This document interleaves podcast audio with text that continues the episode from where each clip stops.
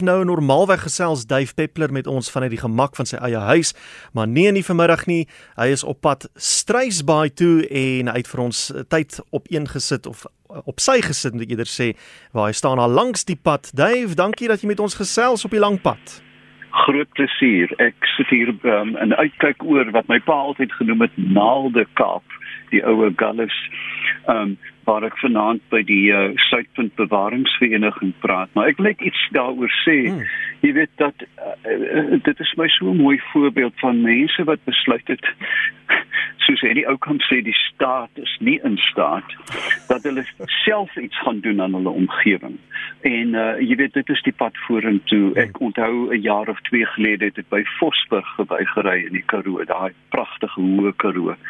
En langs die pad was daar spannetjies mense wat hierdie dorp aangestel is om rommel op te tel. Ons moet hierdie ons moet die omgewing weer besit en en en dis die regte pad. En dis jou tema vanaand. My tema is verantwoordelikheid. Wat ja. kan ek as individu doen? Jy weet 'n mens voel so hulpeloos en sê wat jy weet teen wat doen ek teen China en so aan en so aan in in my my gesprek eintlik meer as 'n praatjie gaan oor hoe kan ek myself bemagtig? En dis waarna die mense in Struisbaai vanaand kan uitsien. Nou kom ons kyk van die vrae wat ingekom het.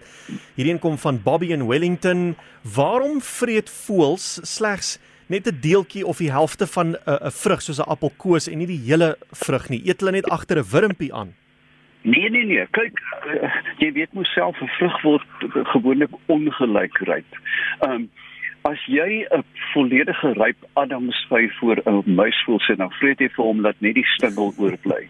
Met ander woorde, die voëls toets ook. Jy weet hulle kyk na kleur en um, hulle is uh, voels kan goed in die kleurspektrum sien hmm. en as die as die vrug se kleur verander dan gaan hulle hom toets en as hy nie nog volledig ryp is ja dis wil terugkom maar dit is net 'n daai daai stukkie is net 'n proesel om te sien of die vrug ryp is Gerda Keiser sy vra Wat eet swaalkies? So net so voor hulle die lang wintertog aanpak, wat vreet hulle om hulle vetreserwes op te bou?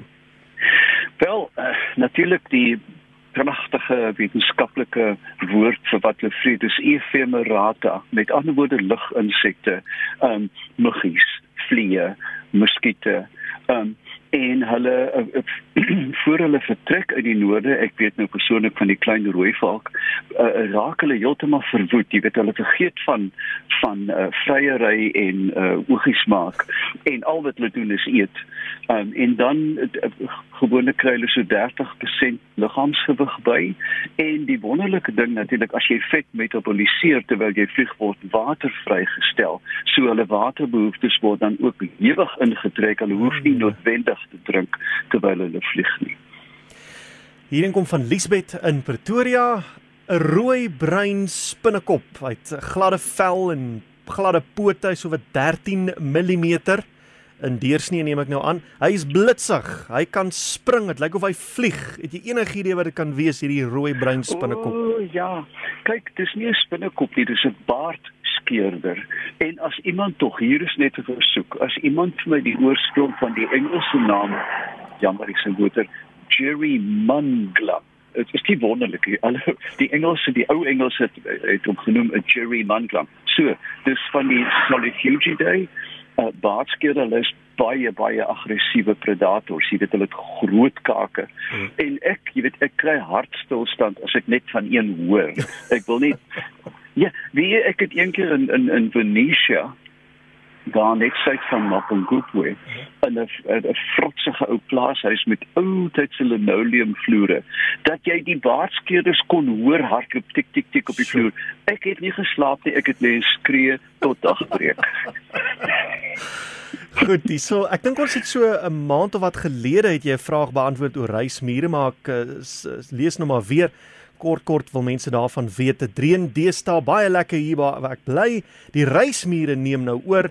Wat is die lewensiklus van reismure en uh, wat is 'n natuurlike manier wat mense hulle net bietjie van jou af kan weghou? Wel, jy kan hulle natuurlik eet. Ehm um, hmm. Ek weet jy dis baie lekker. Die probleem is net dat jy vir 'n hele uur na jy reismuur, uh, jy weet 'n uh, uh, skottelbraai van reismuure geëet het, sit jy met 'n stokkie om al daai voelers en goeders in jou tande tande uit maar hoe dit ook al sê, meeste hulle is eintlik termiete lewe onder die grond of in in die bas van bome, maar die die bekende is natuurlik die pragtige wat ons noem muurshoop. Dit is eintlik termiers uh termietneste uh, wat bekend staan as termitoria. Ehm um, en daar in die donker te woel hulle, maar gewoonlik met reën uh, is daar paringsvrugte vrugbare uh, of onvrugbare wyfies vlieg dan. Um, soos mense hulle ken jy dit stadig met lompvlekkies en die oomblik as hulle land op die grond breek hulle die vlerke af en wag vir 'n mannetjie om dit te bevrug so met ander woorde daardie een uh, wyfie kan dan 'n hele nuwe kolonie begin. En dit is 'n uh, pragtige manier van die natuur, jy weet ons as mense maak een aardige kind groot, jy weet jy, jy weet dit is tot 25 jaar lê jy is jy vasgeboei aan die kind. Ehm um, hulle uh, uh, moes nooit opklaar nie. Maar dit nou daar gelaat. Ehm um, waar hy smiere dan natuurlik 10000de wyfies die lug instuur met die hoop dat een bevrug word en 'n nuwe kolonie kan begin.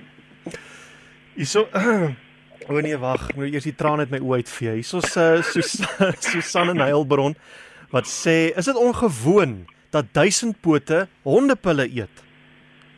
Ek dink glad nie so nie. Kyk, hulle is hulle is herbivore. Met ander woorde, duisendpote eet kompos en ja, baie jong plantjies. So dis die plantaardige komponent van die van die hondekos wat hulle lok.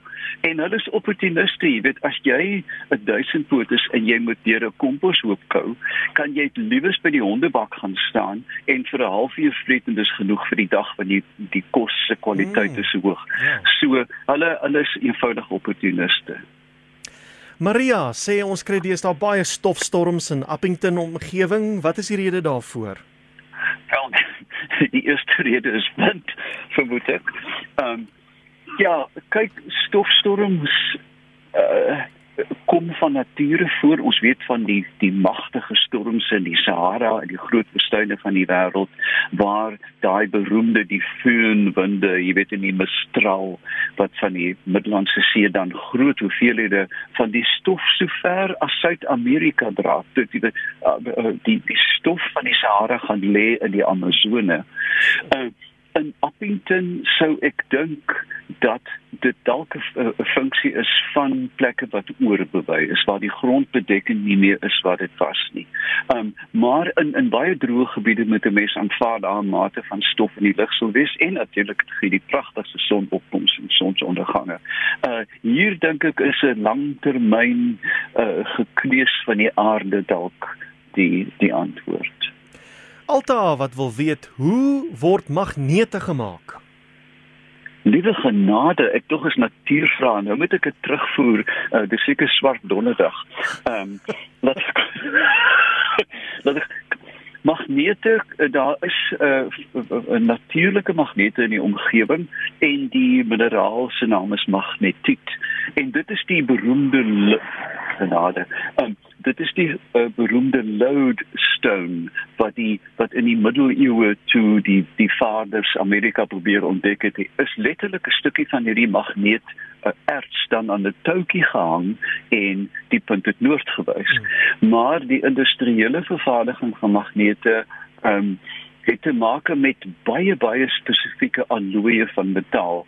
Uh dit begin met yster Fe en dan is daar goed soos krom, ehm um, um, hulle sabartium, jy weet skaars metale wat wat die magnetisme van die van die uh, produk verhoog.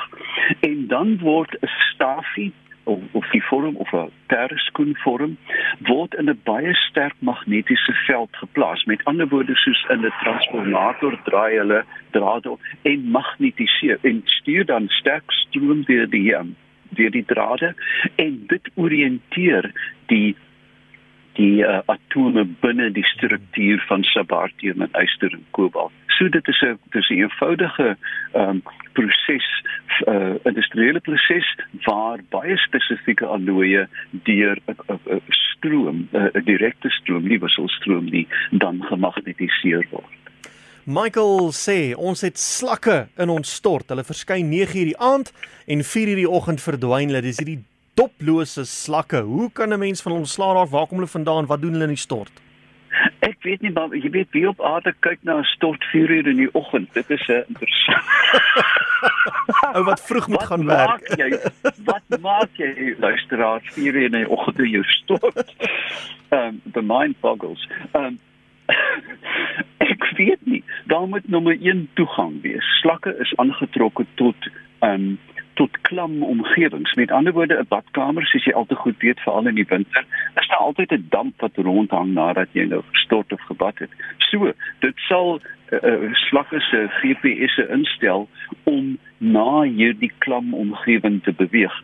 Um, vermoedelik moet daar van buite ergens toegang wees en die antwoord sal wees om die toegang af te sper.